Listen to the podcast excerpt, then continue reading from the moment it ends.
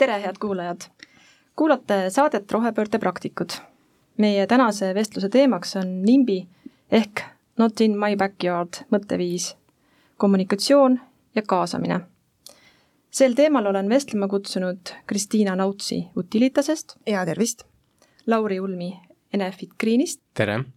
ja Taavi Kotka koos IO. ja tervist, tervist! mina olen saatejuht Kertu Metsar meie tänase saate teemaks on põhjust omajagu, et viimaste aastate jooksul on olnud silmapaistvalt palju vastasseisu nii suurprojektide, algatuste kui kogukonna ja looduskaitsjate vahel. kui ajas tagasi vaatame, siis aastaid tagasi oli äge vastasseis Tartu tselluloositehase asjus, viimastel aastatel on turbatööstuse ümber suuri pingeid, Eesti Energia pidi eelmisel sügisel kohtuotsuse tõttu peatama õlitehase ehitamise Ida-Virumaal kuna keskkonnamõjude hindamine oli vigane. kirgi kütavad Rail Balticu ehitus ja Nursipalu harjutusväljaku laiendamine. lisaks mainitule on nüüd ka taastuvenergeetika projektid, mis on täitsa uus teema ja nende kerkimise mõju on tunda üle kogu Eesti. kuidas siis on, eksperdid? et äh, me tahame nutikat ja majanduslikult hakkama saavat riiki, aga samas justkui ei taha anda tööstusele, algatustele ja ettevõtlusele võimalust. Lauri kuidas sa kommenteerid? ma ei ütleks, et ei taheta anda võimalust, et äh, nüüd äh, me oleme tegelikult väga pikalt arendanud tuuleparke ja pigem näeme ikkagi positiivset tendentsi, samamoodi teeme ise uuringuid äh, kohalike siis vastasseisust ja aktsepteerimisest tuuleparkidesse ja üldse energeetikalahendustesse. et see teadlikkus tegelikult on kasvanud ja see teadlikkus on kasvanud tänu siis riigi tööle, meie tööle, kui ka sellele, et tegelikult elektrihinnad on tõusnud nii suurtesse kõrgustesse, mis, mis tekitavad olukorra, et kõik on tegelikult elektri- ja energiaeksperdid. seega see on oluline probleem ja oluline teema, mida lahendada Kristiina? jaa, see kõik tegelikult, mida iganes sa kavandad kuskile, nagu siin ka oli mainitud, tselluloositehas, Rail Baltic, mõni turbakaevandus või siis uus tuulepark ja see küsimus algab pihta sellest, et miks Äh, millel on vaja seda selget vastust, äh, miks seda on vaja teha äh, ja siis tekib küsimus, miks seda on vaja siia teha ja sealt tuleb see, see koht, mis, mis on seotud suures pildis selle kogukonnaga, et et mulle kohati tundub, et jäetakse vastamata see küsimus, miks, või siis see tuleb liiga hilja ja sellest hetkest alates ei, ei saa aru või ei saadagi aru, kas meil seda on vaja siia, kas meil on seda vaja kuskile mujale või miks, või miks nii ja miks mitte teistmoodi. et ma julgen öelda, et kõike saab teha, lihtsalt tuleb seda alustada nii-öelda õigest otsast ja, ja õiget, õigesti seda selgitada. Taavi no mul on üks müts veel peas olnud, et ma olen siis neli aastat olnud Viimsi volikogu esimees ja vaadanud KOV-i tasandil väga sügavalt sisse kõiksugusele sellistele arendusprojektidele ja äh, vastus on väga lihtne. Äh, tänases äh, tulubaasi mudelis, mis me oleme Eesti riigis kehtestanud, KOV-il, KOV-i elanikel ei ole mitte mingit motivatsiooni, et nende territooriumile siis või nende ümber tulekski mingisugunegi infrastruktuuriprojekt. ehk siis äh, ettevõtte tulust teatavasti KOV ei saa mitte midagi, KOV-i peamine sissetulekuallikas on üksikisiku tulumaks, mis tähendab seda, et õnnelikuna tuleb hoida üksikisik ehk siis elanik seal. elanik ei taha enda ümber kaevandust, elanik ei taha enda ümber saeveskit, tööstust, nii edasi, mistõttu äh, puht nii-öelda alussüsteem on disainitud hetkel niimoodi, et KOV on motiveeritud lükkama nagu isegi ettevõtlust endast nagu kaugemale, välja arvatud juhul, kui sellega on seotud nagu noh, ütleme kodukohalähedased töökohad, eks, aga aga ütleme näiteks kusagil kuldses ringis täna Tallinna ümber tulla jutuga, vabandust, ma isegi, kas meilt Harku vallas pikaajaline liivakarjäär, mis on aastakümneid teenindanud tervet seda piirkonda, läheb nüüd looduskaitse alla, sest osad inimesed, kes ootamatult on avastanud, et nad on ostnud endale korteri sinnasama selle nagu äh, kaevanduse kõrvale, et et ups, et nüüd see enam ei sobi, sellepärast et see häirib mind, eks ju, kuigi noh, noh, kuidas see sai sulle ootamatusena tunda, tulla, eks. ehk siis see baasprobleem on väga lihtne, me oleme kõik inimesed mm,, rahalist motti, mingit motti ei ole, miks ta peaks siin kõrval mul nagu auku ja pauku tegema ja teid lõhkuma, loomulikult ma olen selle vastu. ehk siis motivatsioon on kohe algusest peale paigast ära, isegi vahet pole, kui sa dialoogi pead seal. mis võimalused on kohalike motiveerimiseks, nii et ei tekiks nimi mõtteviisi ja oldaks dialoogiks valmis? Taag, ma tegelikult ütleks, et nüüd on motivatsioon mm, -hmm. et see kohaliku kasu regulatsioon, mis siis läks keskkonnatasude seadustesse, annab sisuliselt üks protsent siis äh, ettevõtte, taastuvenergia ettevõtte, tuuleenergia ettevõtte kasust või õigemini tulust äh, kohalikule kogukonnale. et see jaotub nii üksikisikule, kes on siis äh, seal lähedal, kui ka kohalikule omavalitsusele. ja see on tegelikult natukene muutnud ka seda äh, aktsepteerimisdialoogi pidada, et varem tõesti ei olnud seda aktsepteerimist, et hakkame üldse rääkimagi, et millest me, mida me siin planeerime. et see aitas, see andis selle motivatsiooni. tähendab, selles mõttes olemegi täpsed, äh, see annab motivatsiooni teatavatesse piirkondadesse, pigem äh, väiksema ettevõtlusega ja, ja pealinnast kaugematele kohtadele ja me ikkagi tänases debatis, ma saan aru, me vaatame NIMBit kui laiemat teemat, et me ei vaata ainult tuuleenergiat, eks, vaid me vaatame ka kaevandusi, noh täna iganes, igasugused, ma ei tea, liivakarjäärid ja üldse meie maapõue eh, sisu on iseenesest ju kaardistatud, et me teame suhteliselt täpselt, kust midagi saada on, samas meil on suuri infrastruktuuriprojekte vaja teha, nagu Rail Baltica ja, ja ka noh, meie Via Balticad ja muud teed, eks, et eh, et see teema ei ole ainult nagu eh, tuuleparkide teema ja selles mõttes äh, see tänane seaduses olev jaotus, äh, noh, ütleme, tahaks näha, et sa selle seadusega suudad nagu kuldset äh, ringi kuidagi motiveerida. õnneks me kuldse, kuldsesse ringiga ühtegi tuuleparki ei kavanda, seal on inimesi liiga palju. saade on nimbist, mitte ainult tuuleparkide nimbist. palun täpsustage raadiokuulajatele, mida te mõtlete kuldse ringi all? ja ei, minu jaoks on kuldne ring on siis, kui me räägime tuulepargi ettevõttest üldse, siis ma arvan, me olemegi võib-olla ajast natuke ees meie rajamegi tuuleparke koos kogukonnaga, et me, me saame aru, et see on ainuke viis, kuidas üldse sel-, selliseid suuri olulise nii-öelda visuaalse mõjuga objekte on võimalik rajada. ja kuldne ring tuleb siis seadusest, et kui sul on tuulik, mille tipukõrgus on alla kahesaja viiekümne meetri, siis on see kaks kilomeetrit tuulikust ja kui ta on üle, siis selle, siis on kolm kilomeetrit. ja tuulikutest nii kaugele olevad siis isikud saavad seda isiklikku hüve põhimõtteliselt, kui see tuulepark sinna tuleb jah, ja Kuldse ringi all mina pidasin silmas Viimsi valda ja, ja Raed ja muud sellist, kus elab täna Eestis lihtsalt palju inimesi ja see, ma julgen öelda, see lähenemine äh, on erinev, äh, mida kaugemale sa siit Tallinnast lähed ja mida, mida lõuna poole sa, sa, sa jõuad, et, et see lähenemine omavalitsustes ja omavalitsustega on teistsugune versus elamu või elamuarendus Viimsi vallas näiteks või, või kaevanduse avamine Jõelähtme vallas, et need on hoopis midagi muud. Äh, ja seega ka on see lähenemine teine, et ma olen täiesti nõus, olles ennem ka töötanud äh, konsultandina ja neid samaseid äh, arendus, arendusprojekte teinud, siis äh, jah, mina ei läheks planeerima Viimsi valda elamu mingisugust kvartalit, selle, see, see töö maksaks konsultandile lihtsalt liiga palju, see võtab nii palju aega ja aeg on raha, et need on teistsugused lähenemised suures pildis, aga jah, see, see nii-öelda point on see, et miks siin, miks mitte kuskil mujal ja kui kui sa nendele küsimustele alguses vastata ei saa või ei oska, siis on hästi raske sealt edasi minna, et seesama, olgu ta siis see liivakaevandus ja selles mõttes on see ka õige, et ma noh, olen ka ise puutunud kokku inimestega, kes avastasid äh, kuskilt mingisugusest vana PDF joonisest, et tegelikult see Rail Baltic läks ju, läheb ju hops hoopis üle tema terrassi, on ju, mille, mille maja ta on ostnud ja mis siis nüüd saab, on ju, et et et ma julgeks arvata, et nagu kogu see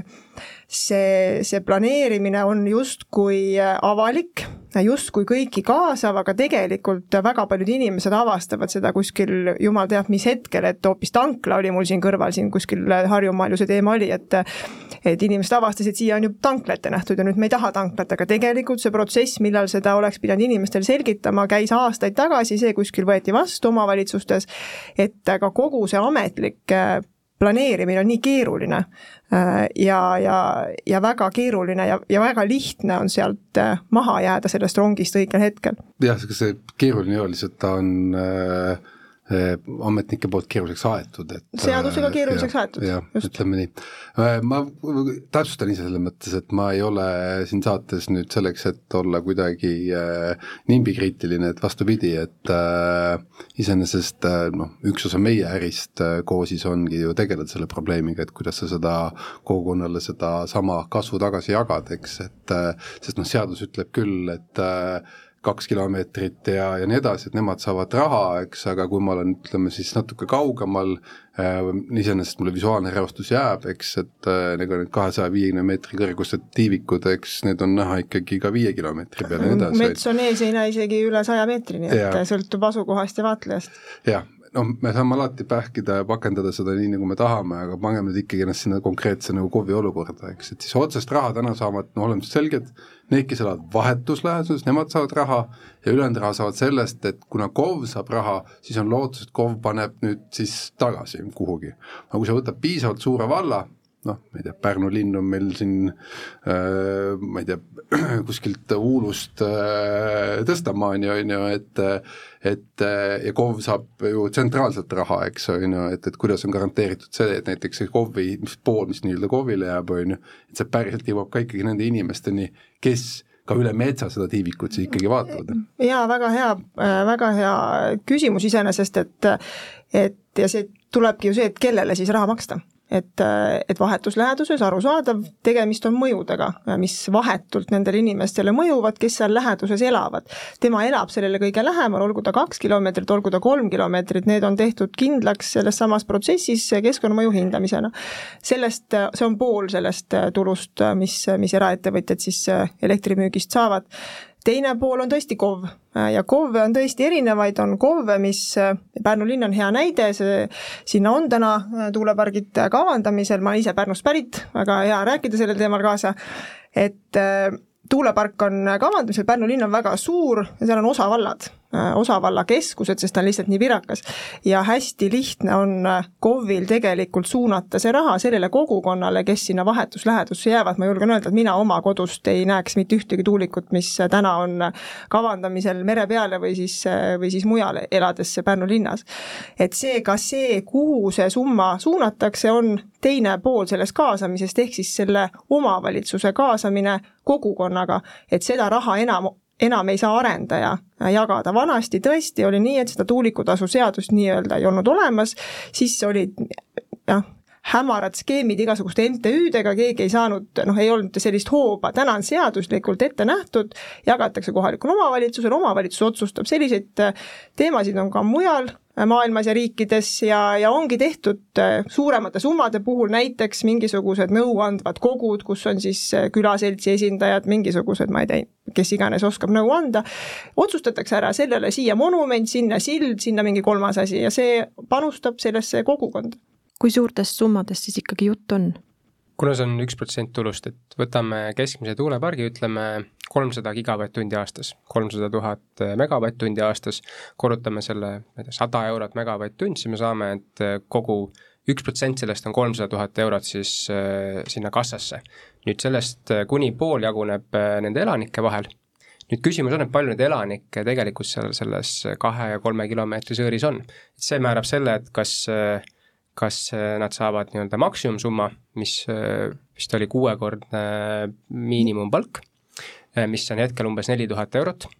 see on ära piiratud, iga aasta hakkab see kasvama tulenevalt miinimumpalga kasvust. ühesõnaga, kui sa oled vahetusläheduses, siis aastas rohkem sa ei saa saada kui neli tuhat tänase seadusega on see jah, pandud ja. paika kuus korda miinimumpalk, miinimumpalk teatavasti võib tõusta, tuulepargi eluiga on kolmkümmend aastat. et no tõenäoliselt kasvab, et no inflatsioon kasvab, et kokkuvõttes tõenäoliselt evens out. täpselt, noh tulevikus saab kümme tuhat, on ju.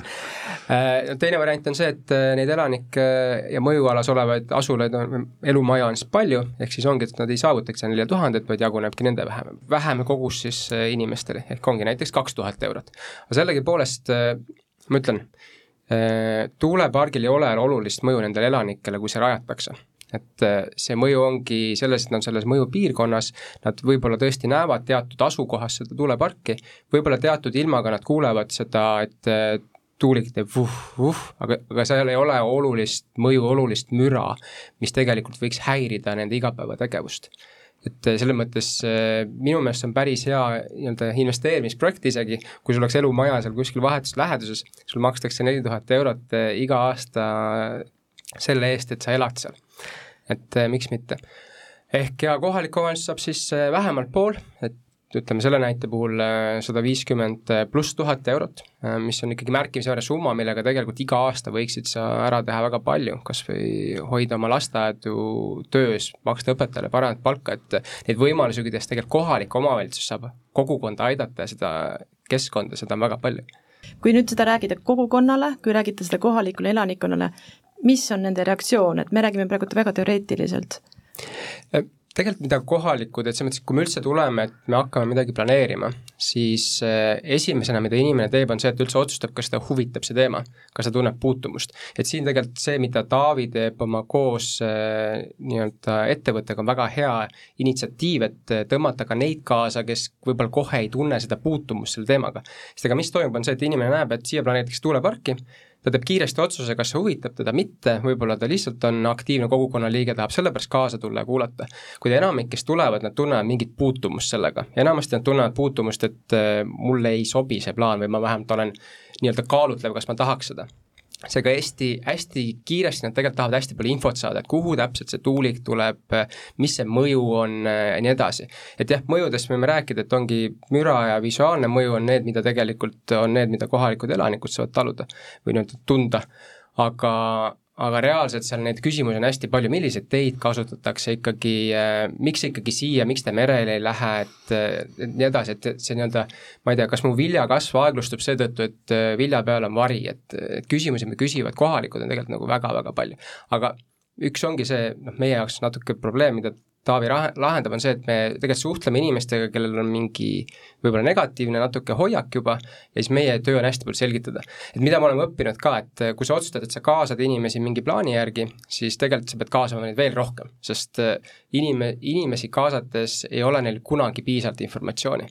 kunagi oleme öelnud, et äh, lõpetage ära, ärge enam tulge, et, et äh, liiga palju infot on, et alati on uusi inimesi, alati on uusi mõtteid, alati on uusi diskussioone jaa, me tegime ka ühe küsitluse täpselt samal teemal, et kas te olete kursis äh, selle teemaga, tuulepargiga ja kas te tahate rohkem infot saada, vastused olid, oleme väga kursis, soovime veel rohkem teada saada, et äh, täpselt, täpselt sama, mida Lauri ütles, et neid küsimusi on, on, on väga palju, äh, seda enam, et sa lähed justkui võõrasse kogukonda, võõrasse kohta ja hakkad sinna midagi tegema, et needsamad küsimused tulevad ja nüüd ma julgengi öelda, et, et on on siis seaduses ette nähtud äh, menetlus, äh, planeering on siis selle nimi, mis, mis tuleb kõik läbi viia vastavalt nendele etappidele, mis seal on kirjeldatud, kus on ka siis äh, rõhk sellel kaasamisel või vähemalt justkui peaks olema, siis ma julgen öelda, et see ei toimi. Äh, et minna äh, täpselt järjest selle, sellesama seaduse, äh, seaduse järgi seda kaasama, see ei, see ei ole üldse see, see viis, kuidas, kuidas inimestele protsessi selgitada, et selleks on, on jah, täiesti eri, eraldi eraldi kogukonnaga, ma ei tea, vestlusõhtud, tutvustused, koha, istud koos väiksemas, suuremas ringkonnas ja seletad ja selgitad ja räägid ja arutad, et kuidas see protsess käib, millal ta mingisuguse lõpuni võib-olla jõuab ja mis saab, kui ei jõua, et et neid küsimusi on hästi palju äh, ja selleks äh, on vaja päris palju aega aga projekti alguses tihti ei ole ju veel plaanid selged, et äh, kui, kuidas siis see info edastamine käib, et mida siis peaks üldse, mis see A ja B on, mida peab kindlasti edastama?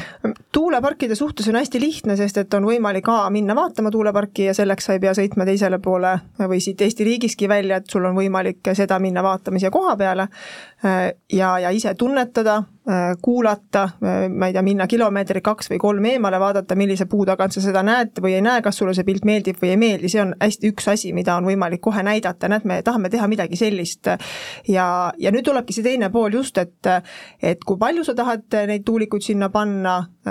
ja kuhu sa neid täpselt panna tahad, see on tegelikult vastus, mida justkui ju ei saagi anda, sellepärast protsessi alguses, et on arendajal on mingi enda nägemus ja soov, aga see kõik võib muutuda ja suur suures pildis ta muutubki kogu selle kestel, et eh, täpsemad uuringud, seesama arva,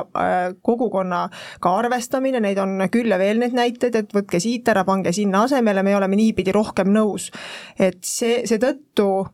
on nagu hästi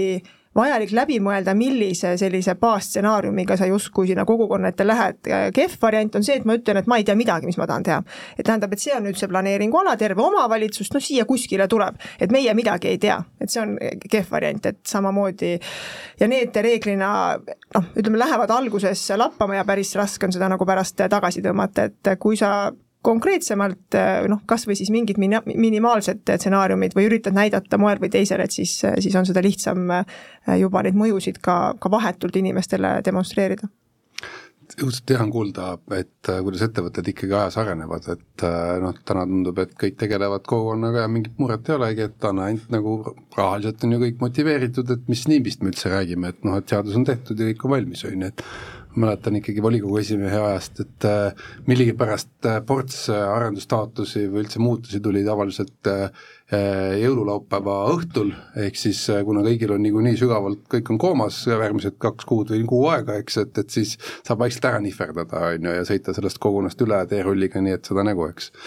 aga, aga millest siin juba vihjati ka, et ma tahangi öelda, et ma tulen sinna teise potti ka tagasi, et ma olen igati nõus sellega, et see protsess peab algama enne kui üldse mingi detailplaneeringu taotlus või ideegi üldse sisse antakse, sest äh, kokkuvõttes ju taandub asi äh, äh, ikkagi rahale, ehk siis eh, ettevõtjad kalkuleerivad välja, et kus on nende jaoks parimad asukohad, eh, kus on noh, ligipääs tuulikutele ja nii edasi, et sa võid teha ju punkti A, aga võid ka teha punkti B, mis on nelikümmend kilomeetrit eemal, eks, aga seal on mingi teatav kas riskide vahe või ikkagi investeeringu vahe. ja sealt tuleb ka see võimalik nii-öelda nagu noh, potentsiaalne upside, et noh, miks on kasumlikum leppida ikkagi sellesse A-sse kogukonnaga kokku, sellepärast et ta pikas perspektiivis on rahaliselt kasulikum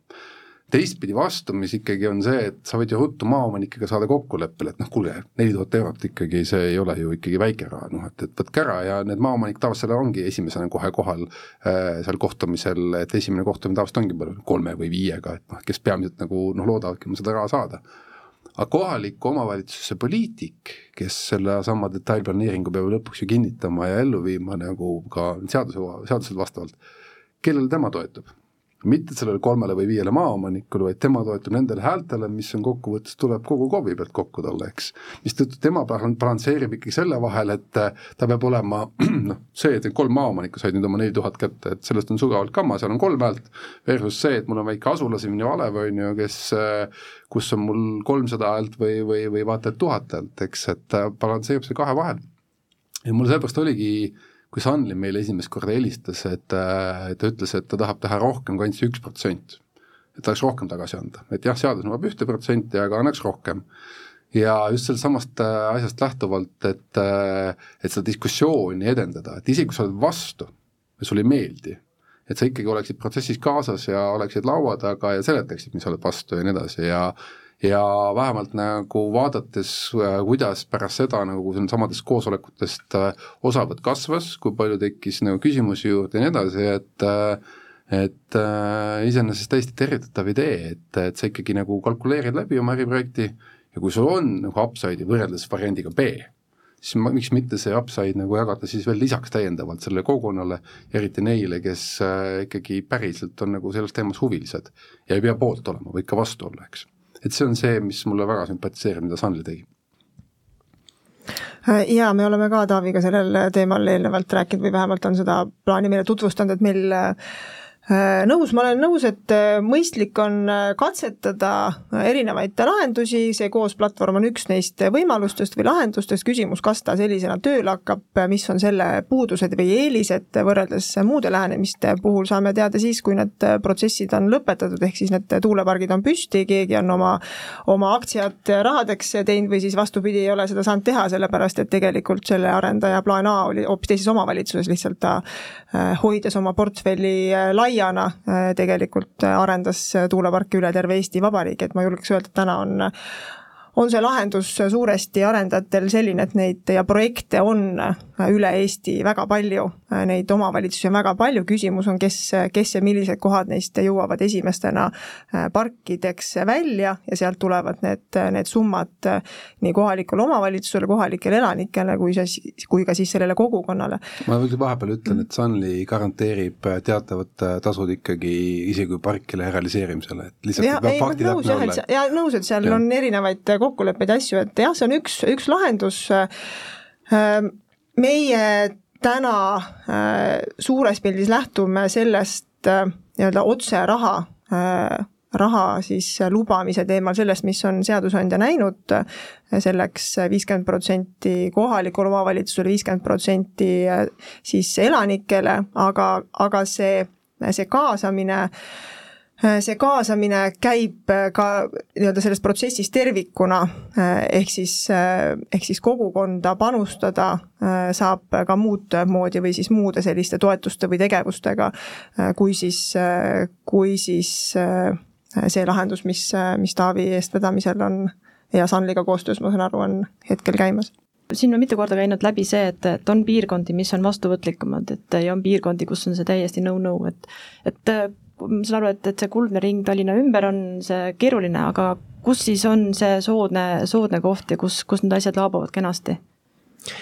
see, see ei olegi isegi nii, et saad öelda, et siin on omavalitsus, kes on poolt ja siin ei ole, et ma ütlen, meil on ka väga palju erinevaid projekte olnudki, et näiteks kui kunagi Tootsi tuulepargi planeeringut sai tehtud, siis äh, seal meil oli väga vähe koosolekuid, äh, kuna seal kohalikud alati küsisid, millal te juba ehitama hakkate millal te juba tulete, et seal oodati väga seda muutust, kuna oligi kaks tuhat kaksteist aastal läks see turbatööstus seal kinni ja see kogukond tegelikult tahtiski seda positiivset muutust, et siia tuleb midagi ja, ja annab neile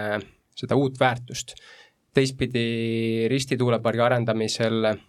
praegu asjad edenevad hästi, kuid kaks tuhat kaheksateist, üheksateist aastal, kui me alustasime, siis me alustasimegi nii, et me läksime külaseltside juurde, tutvustasime kohalikele seda plaani esimesi mõtteid, läksime volikokku, saime nii-öelda planeeringu algatatud, siis tuli veel valimisperiood peale, kohaliku omavalitsuse oma, tekkisidki nii-öelda teatud eh, tugiisikud, kes hakkasid siis eh, hoopis selle vastu töötama ja see projekt mingis mõttes oli üle aasta oli pausil, kuna me tegelikult olime kohtuvaidluses, äh, tulenevalt siis sellest, et kohalik omavalitsus mingi hetk siis otsustas, et lõpetab planeeringu lihtsalt ära, et mis siis hiljem küll jätkus aga, aga oli nii-öelda õpetlik kõigile, et hoolimata sellest, et me seal, ma arvan, me oleme nelikümmend, viiskümmend koosolekut teinud, kus me kaasasime, rääkisime, siis ikkagi, ikkagi seal nii-öelda poliitilised äh, ambitsioonid ja mõtted mingis mõttes nagu sekkusid. et nüüd meil on ka, meil on kohaliku siis töögrupiga, et mida me tavaliselt teeme, on see, et me proovime iga projekti juurde tekitada töögrupi, kus siis on kohalikke esindajad kohalikud aktiivsemad äh, inimesed, kes tuleksid ja esindaksid neid, kes ise ei taha kohale tulla ja nemad siis saavadki viia selle info, mida nad saavad, viia kohalikena ja samas nad saavad esindada ka meiega nii-öelda siis äh, suheldes, et mida kohalik kogukond tegelikult päriselt tahaks saada.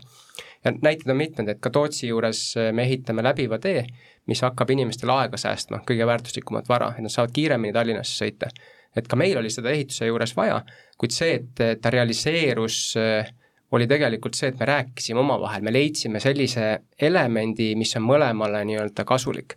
teine on see, et äh, väga palju räägitakse võimalust otseliini rajada tuuleparkide juurde, mis tegelikult tulevikus võib anda meile meeletu kasvu just nende kohaliku ettevõtluse vaates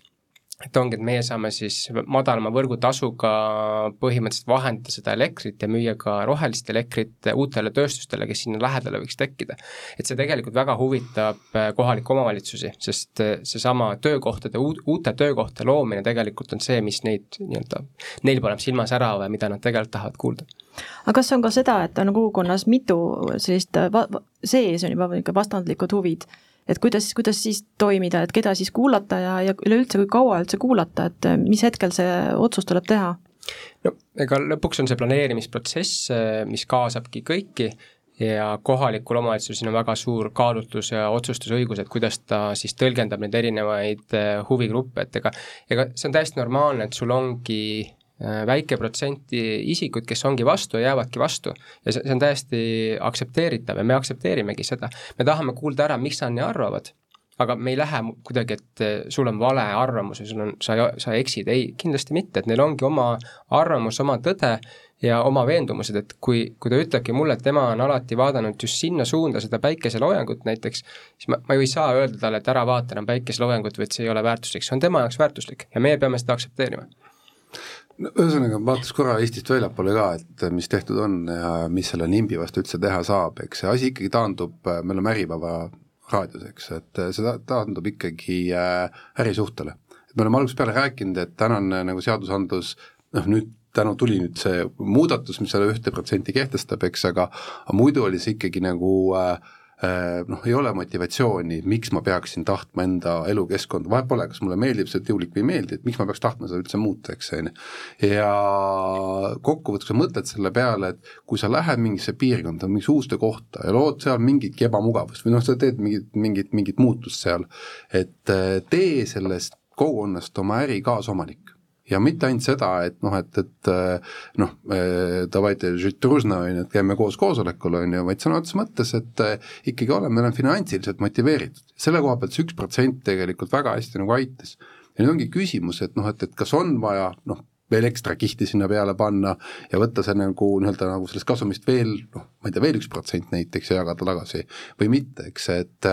et see on see küsimus ja, ja selge trend täna maailmas on sinna suunas, et sul on lihtsam selle NIMBY probleemiga tegeleda, kui sa suurendad ikkagi seda finantsilist motivatsiooni. et me oleme teinud uuringuid just, et kuidas erinevad põlvkonnad siis aktsepteerivad tuuleparke ja ma ei nõustuks sellega, et raha on see motivaator et kui ongi, et varem on elekter tulnud meil pistikus, siis äh, noored äh, uued põlvkonnad, kes tulevad peale, paratamatult meil volikogudes otsustajate juures on äh, see põlvkond, kes ongi harjunud, et pistikust tuleb elekter ja võib-olla vaatabki rohkem äriliselt. aga nii, kui me räägime noortega, siis tegelikult neil ei ole äri või äri või raha või see ei ole üldse motivatsiooniallikas. mida nemad tahavad teada, on see, et see tuleb koha pealt tal ei ole olulist eh, keskkonnamõju, et eh, me kuhugi lindude rändeteele neid tuulikuid ei paneks ja et ka ta ei häiriks seda kohalikku kogukonda oluliselt. et see, et ta ongi kuskil seal külaservas näiteks aeg-ajalt näha, siis see ei ole üldse nende jaoks eh, oluline. tähtis on see, et see elekter toodetakse taastuvelektrist, sest on aru saadud, et nii nagu vanasti elektrit toodeti, enam ei saa ja see peab muutuma ja kui kõik ütlevad, et ära minu juurde tule, siis tegelikult meil ei olegi neid kohti, kus seda taastuvelektrit toota. et ma, ma küll ei see ei ole, see ei ole null ja üks mäng, et me nagu siin saates oleme kuidagi nagu hüppame ühest äärmusest nagu teise, et äh, peaks olema ka ainult ühtepidi või teistpidi. ma ei olegi väitnud, et see on eks nagu ainuke lahend, eks äh, teistpidi maapiirkondades noori noh, alustame sellest, palju neid on üldse, on ju. aga kas meie eesmärk on neid sinna juurde tekitada või nad viimsedki ära ajada sealt? ei no see küsimus ei ole selles konfliktis praegu, me nagu lipume sellest teemast nagu mööda minema, et tegelikult on küsimus selles, et äh, kas piisab ühest protsendist või peaks rohkem andma, see on see tegelik vaidlus siin laua taga, on ju, et me võime sinna neid vabandusi ühtepidi, teistpidi juurde liita, mina olen elektritootja ja minul jääb suvel üle. Ja mina ei saa aru, et kui ma tean füüsikaliselt, et minu naabrid tegelikult kasutavad minu elektrit, siis miks on ikkagi vaja maksta nagu ülekandetasu sellisel viisil, nagu see oleks Narvast ehk siis ma olen väga roheline, väga selle mõtteviisiga, ma ka salvestan energiat, eks on ju. ehk siis ma olen nagu väga selle poolt, et me muudaksime neid seaduseid sellisel viisil, et see oleks nagu päriselt ka täidaks seda rohe-eesmärki, mis me tahame saavutada ja panna need, no need teramõjuga rohkem tootma, eks äh,. täpselt samamoodi ma olen ka seda meelt, et need kuldse ringi vallad, kes täna ei taha endale nimbist ja me ei räägi ainult tuulikutest, eks, me räägime kaevandustest ja nii edasi, ma olen väga seda meelt, et need, kes ei taha, peavad maksma neile, kes tahavad ehk siis, et äh, see ei ole nagu ainult see, et noh, et me vaatame, et äh, oleme rohelised, võtame kätest kinni ja kasutame puud, ei. kui sina pead kannatama, ehk siis sinu elukeskkond muutub, siis tuleb seda ka kompenseerida, täpselt nagu oli Nursipaluga. ehk siis, kui te tulete ikkagi nagu paugutama, on ju, et noh, et siis nagu makske kinni et selles mõttes nagu selles ei ole midagi häbeneda, et me peaksime sellest ikkagi rääkima nagu ka ikkagi raha keeles, et et äh, me ei saa nagu, nagu noh, minna ainult selle peale, et noh, et, et nagu loodus ja linnud ja, ja noored, on ju, et, et vaatame seda kui äri ja vaatame seda äri saab teha koos kogukonnaga ja kogukonnale kasulikult jaa, nõus, ma olen, ma olen osati mõlemaga nõus, nii Lauriga kui Taaviga, et, et no, mina me olen, ei vaidle. ei vaidle, me toetame teineteist ma toetan oma argumentidega. Et see, see küsimus on tõesti tegelikult põlvkondadevaheline või põlvkonniti erinev, et ma olen käinud ka, ka ma ei tea, põhikooli astmetes koolides lihtsalt tutvustamas või rääkimas taastuvenergeetikast ja ma mõnikord küsin, et kas te teate, mis on laste käest, et kas te teate, mis, mis häirib inimesi kõige rohkem tuulikuga seonduvalt. Nad ei oska vastata, et noh, nad pakuvad iga, no mingid linnud kuskil, ma ütlesin ei, sest lihtsalt ei meeldi ja siis nad vaatavad, mis vahet sellel on, et mis mõttes ei meeldi, et no nii, noh, ilus valged ei häiri. et need lihtsalt need asjad, mis, mis kedagi häirivad, on, on hoopis, on kohati erinevad versus siis kellelegi teisele, kes, keda lihtsalt, talle see lihtsalt ei meeldi, sest ma ei tea, talle ei meeldi valge värv rohelise metsa taustal. et, et see, see ongi erinev, aga ma olen nõus, et noored täna näevad seda rohepööret või siis seda taastuvenergeetikat veidi teises valguses või sellises lootuses või nägemuses võib-olla kui, kui mõni teine, et on selline konservatiivne lähenemine, aga meil on kogu aeg pistikust tulnud elekter, nad seal idas toimetavad sellega põlevkivimaa all on minu eluajani ja noh, peab, jääb veel vähe üle ka, et milleks on vaja muuta seda, et miks me peame midagi ringi hakkama tegema, miks me peame neid uusi asju hakkama äh, tegema ja üldse, miks nüüd siia ja noh, tulevadki sellised küsimused. Äh, noortel ma julgen öelda, seda pigem nii ei ole. Äh, mis puudutab seda kogukonnaga koos äri ajamist, siis ma julgeks öelda, seda täna tehaksegi, et see ongi kogukonnaga koos äri ajamine ja ma julgeks öelda, et ka mitte ühtegi tuuleparki täna ei ehitata ja ei ehitata ka tulevikus selliselt, et see kogukond on sellele vastu. selliselt ei, ei, selliselt ei toimi meie kohaliku omavalitsuse iga nelja aasta tagu, tagant toimuvad valimiste süsteemgi juba ei toeta seda, et seda lihtsalt ei ole võimalik teha. küsimus on, mis põhjustel ollakse vastu ja kas need põhjused saavad selle protsessi käigus vastatud või mitte. meil on küll ja veel olnud neid, kes on alguses vastu, sest ta nägi siin luigeparve ja noh, need surevad seal tiivikutes ära ja on üldse päris halvasti. aga talle selgitatakse, see ornitoloog selgitab, keskkonnamõju hindaja selgitab, et näed, et noh, on küll luigeparv, aga teiselt poolt, et noh, tegelikult siin, et need, seda muret ei ole. ja kui neid küsimusi on palju või mitmeid, mis lahendatakse selle käigus, siis tal tegelikult noh, see, see summa või raha, mis ta täiendavalt saab, üks, kaks, kolm, kümme, viisteist eurot, tal on suures pildis sellest ükskõik, et ta sai oma küsimusele vastused ja kui nüüd ka kogukonda jõuab see raha tagasi selle läbi selle kohaliku omavalitsuse, siis ta on iseenesest rahul.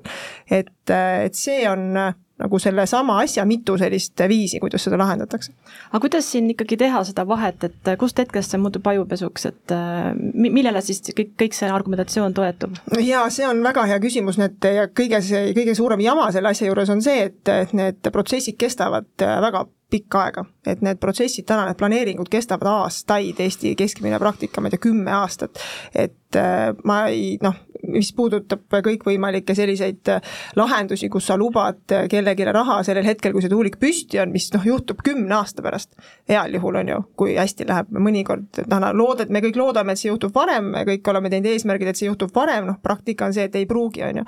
et siis on väga pikk aeg ja sul selle aja jooksul kas A, sul kaob huvi selle vastu, sa oled juba ära kolinud või siis noh, sa ei näegi seda raha enam, et ja siis, ja siis sa, no siis sa distantseerid ennast sellest protsessist, ühel hetkel avastad, oh näed, ikka võib-olla midagi tuli. Aga jah, mis puudutab seda ajupesu teemat, siis siis see justkui juba nagu kohati ongi ajupesu, ma julgen öelda, et pärast Covidi kriisi, kui me kõik muutusime siis äh, viroloogideks, nüüd olemegi, nagu Lauri ütles, energeetikud, et seda on noh, lihtsalt meedias all, alla ja peale ja kogu aeg sellest samast, sest elektri hind on asi, millest nüüd inimesed saavad aru äh, ja mille, mille suurust nad tegelikult on ju oma elektriarvetel näevad, et et seda, seda põhjust, miks hästi palju vastatakse äh, ja, ja sellest ja, ja ta ei ole ajupesu, vaid sa saad lihtsalt asjast võib-olla nüüd teistmoodi aru. no vot, siin ongi see vahe, et äh, üks asi on ehitada lihtsalt projekti ja oodata, et noh, kümne aasta pärast tuleb välja või ei tule, on ju. teine variant on võtta lähenemine, kus ikkagi äh, äh, sa ehitad seda kogukonnaga koos nii, mida tähendab ettevõtlus äh, kokkuvõttes no kellegagi koos, ettevõtlusel on olemas alati positiivne tulemus, noh, teenisime kasumit, midagi on jagada, ettevõttel on negatiivne kogemus issand jumal, ostsin mingid valed tuulikud ja läingi tööle ja mitte midagi ei tule, eks, et noh, ettevõtluse riskid ka ei ole ainult ju plusspooled, on ju. Ja kui sa ehitad seda asja kogukonnaga, siis see tähendabki seda, et algusest peale ka see kommunikatsioon on sel-, peab olema selliselt üles ehitatud, et me saame aru, et kui me koos teeme, see on ühine aru, nagu arendusprojekt, me arvutasime siin välja, kuidas saab neli tuhat eurot teenida, aga sorry, kui need tuulikud ei tooda, no ma ei tea, ühel, ühel aastal ei ole seda tuult või ongi, et ostsime valed tuulikud ja need ei toimi korralikult, ei tööta, on ju, siis seda ka raha ei ole, eks, et noh, et sa pead nagu mõlemat pidi vaatama ka seda, et see üks protsent tuleb ikkagi, see ei ole garanteeritud, see tuleb ju noh, tulemusest, eks ja sama lugu on selle asjade planeerimisega ja, ja kogukonnaga ehitamisega, mis tähendabki seda, et noh, loomulikult keegi ei usu sind, kui sa teed, et noh, kümne aasta pärast vaatame, on ju, mis tuleb, on ju, et, et see peab olema jagatud etappidesse, on ju, noh kuni sinnamaani välja, et, et tegelikult selle projekti äriline väärtus ka ju kasvab alates nagu lihtsalt asjast, kas teil, kas detailplaneering on algatatud, kas ehitusluba on väljastatud, kas kasutuslubad on saadud, et noh, sa saad selle pika protsessi tegelikult jaotada tükkideks ja kokkuvõttes me ka teame, nagu ütleme, igasuguse kinnisvaraprojekti puhul, ehk siis kui on lihtsalt nagu plaan äh, paberil, on kinnisvaraprojektil üks väärtus, kas tal on ehitusluba, on sellel projektil juba teine väärtus, kas maja on valmis, on sellel projektil juba kolmas väärtus, mis tähendab ka seda, et me nagu osaluse suurust või sellesama sinu osaluse väärtust suudame ju hinnata erinevatel hetkedel ja teha ka väljamaksed vastavalt sellele. et see ei pea olema niimoodi, et sa ootad kümme aastat ja vaata, mis tuleb. aga teistpidi, noh, invest-, investorina sul on vaja kaitsta seda varianti, aga kui ei tulegi et mis siis saab, eks, et noh, et, et ühesõnaga need tõelised upside'id saavad juhtuma ikkagi ainult siis, kui see asi ka päriselt töötab, noh, alla seal nii-öelda varasemas faasis saab maksta ainult noh, midagi väikest sellest tegelikult ka seadus garanteerib isegi miinimummäärad, et äh, see on garanteeritud, isegi kui tuulik ei tööta, aga see selleks. Äh, sa puudutasid tegelikult väga head teemat, on usaldus arendaja suhtes, et tegelikult see on see, mis, mis on ka meie jaoks hästi oluline, et kuidas me käitumegi erinevate kogukondadega. sest me oleme siin äris ikkagi kolmkümmend pluss aastat, me arendame, me ehitame ja opereerime, ehk see on kolmkümmend pluss aastat on meil selles kogukonnas põhimõtteliselt tootmisseade, tuulepark ja, ja kindlasti nii-öelda seda kogukonna suhtlust jätkub ka siis, kui see projekt on valmis ehitatud. ehk see usaldus, seetõttu see varasem kogemus, et kuidas me oleme leidnud lahendusi kogukonna probleemidele, on meie jaoks oluline, sest sest kui me lähme kuhugi uude kohta, siis tegelikult äh, nemad vaatavad Enefit Green, kus ta on varem teinud, kuidas seal varem on läinud, mis on need probleemid olnud, kui palju on kogukonnaga koostööd tehtud, see, see ka on see hästi oluline.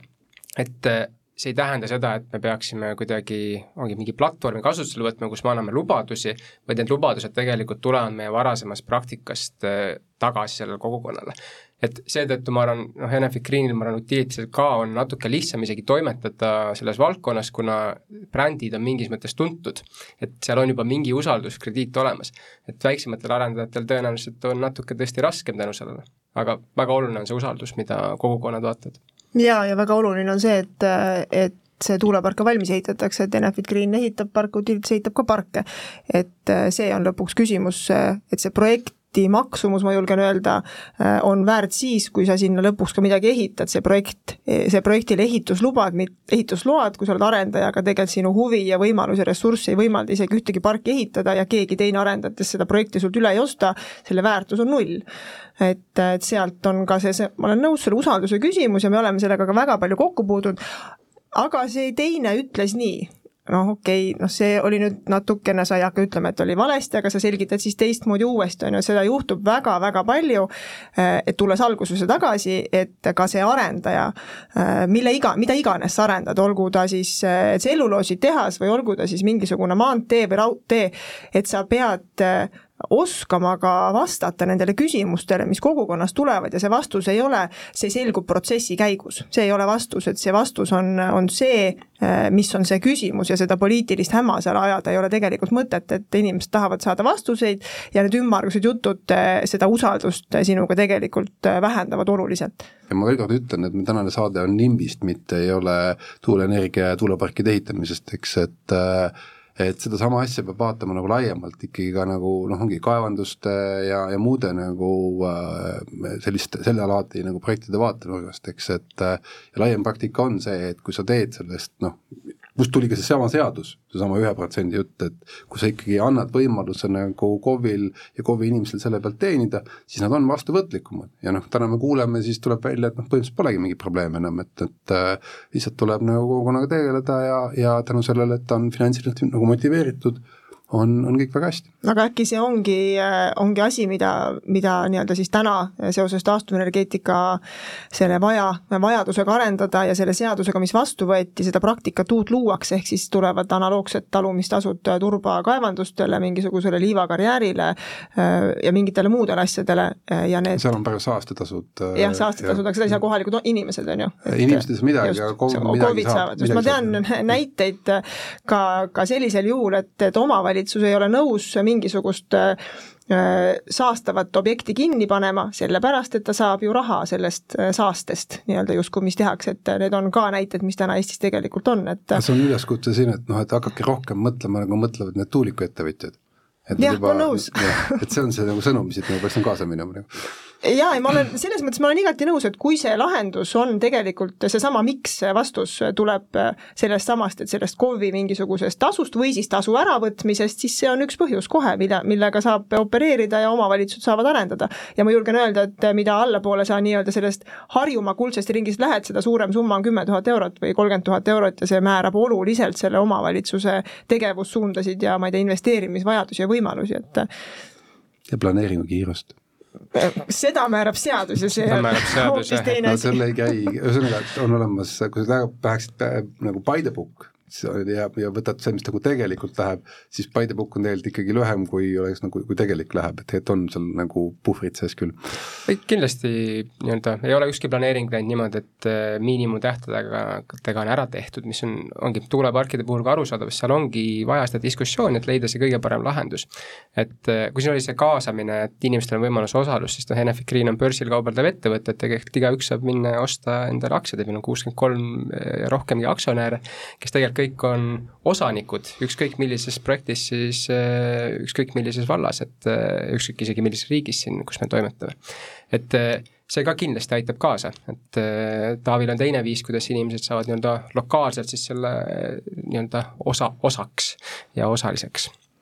ma küsiks nüüd saate lõpetuseks teie kõigi käest üks-kaks soovitust nüüd ettevõtjale, kellel on plaan teha mingisuguseid algatusi just selliste kriitiliste teemadega, et on vaja ka kaasata kogukonda ja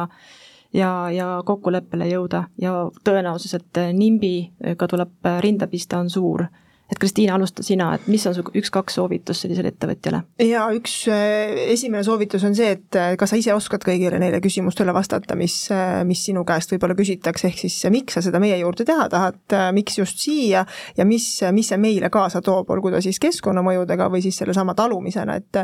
et,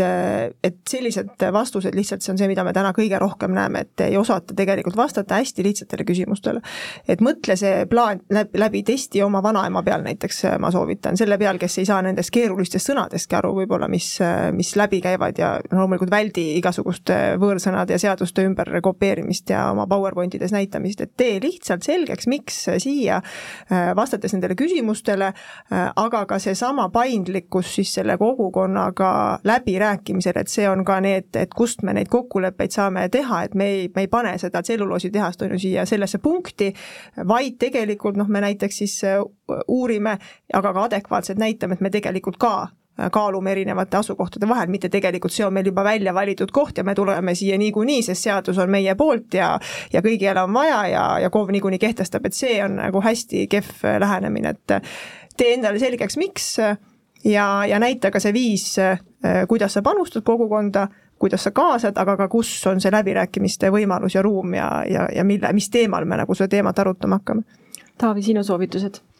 noh, selles mõttes kõik on juba siin kõlanud, et loomulikult rääkima peab, eks, aga mina soovitaks ikkagi seda äriplaani niimoodi läbi arvutada, et mis sul ikkagi vaja on selleks, et kõik oleks ideaalne. noh, a la kui sa lähed ikkagi kellegi tee pealt läbi, kas sul on kokkulepe olemas temaga, kelle tee pealt sa läbi lähed, ja kuidas anda see võimalus, et noh, et võiks ju kohe kokku leppida tasus samas sa ei tea, kas su äri tuleb välja või ei tule välja, mistõttu nagu kuidas ma ette arvutan tasu, kui ma tegelikult veel ei teagi, kui nagu noh, kuidas minema hakkab, eks on ju. et sul on võimalik see äriprojekt niimoodi üles ikkagi ehitada, et sa teed, noh tehnoloogia täna seda võimaldab, et sa teed ikkagi kõik osapooled, keda sul vaja läheb. Need võib olla kümneid ja kümneid inimesi või kümneid ja kümneid objekte, eks, et sa teed nad nagu kaasteeliseks ja kokkuvõttes nende tulemused, nende tasud, nende summad sõltuvad sellest, kas see äri läheb käima või ei lähe, aga sul on kokkulepped, noh, sõna otseses mõttes lepingulisel tasandil ette ära tehtud ehk siis see nagu oluliselt suurendab nagu kõigil osapooltel nagu aru saama sellest, et ahah, kui ta läheb käima, kui ta läheb sellisel juhul käima, siis mul tulevad sellised summad, aga ma saan aru, et see on ettevõtlus, see võib ka ebaõnnestuda, aga sellisel juhul ei lähe ka mu teekasutusse, on ju, et noh, et, et järelikult nagu et, et selles mõttes sellist dünaamikat ehitada koos kogukonnaga ja, ja vaadata, kuidas tulevik tulema hakkab ja sellest hakkavad sõltuma summad, eks on ju, et täna tehnoloogia võimaldab selliseid lahendusi, nii et et sa saad ehitada koos rahvaga Lauri? mis kindlasti, et äh, ära valeta, ära valeta vassi, et äh, see on hästi oluline, äh, tee endale tegelikult kogukond selgeks, et mida nad ootavad, mis on nende vajadused, võib-olla proovi ennetada, et mis võiks neid aidata, kui see projekt seal tõesti nagu ellu tuleb, et et ma ei tea, võib-olla ongi, et kui me räägime mingist muust tööstusest, võib-olla nad saavad sooja näiteks anda jääksoojust kuidagi kohalikku kogukonnale ära kasutada. Ja kindlasti võtmeisikud, et kes on need arvamusliidrid kogukonnas, et äh, räägi ka nendega ilmselt isegi parem on, kui sa räägid enne, kui sa lähed kõigi ette, et et saada nende see vahetu tagasiside, et kas see projekt üldse on teretulnud siia ja mis on need väljakutsed, mis nagu sinule ees ootavad? aga siin on samamoodi, et, et jah, minevikus sai niimoodi, et leppisid kohalike poliitikutega kokku, sõitsid oma teerulliga üle ja said oma kaevanduse kätte, eks on ju äh,, on ka teistpidi mõtteviis, et võtta oma marginaal ette, no planeeritav marginaal, eks sa ei tea veel ette, ja kui sul läheb hästi ja sa mingitest nagu noh, nii-öelda investeeringusummadest tuled üle, et sa oled võimeline valmis noh, mitte võtma kaksteist protsenti marginaali, vaid võtad näiteks kümme pool ja annad poolteist sinna kogukonda, eks, et, et äh, et see on teist tüüpi mõtlemine. Ja, ja ma loodan, et see tõesti areneb, et niimoodi on võimalik see nimbi muuta jimbiks, et jess, in my backyard, ma saan oma KOV-i raha juurde. Siinkohal lõpetame rohepöördepraktikute seekordse saate, mis kujunes väga kirglikuks. meie vestluse teemaks oli nimbi, kommunikatsioon ja kaasatus. sel teemal vestlesid Kristiina Nauts Utilitasest, Lauri Ulm Enefit Greenist ja Taavi Kotka koos IO-st. mina olin saatejuht Kertu Metsar. Kuulmiseni kuu aja pärast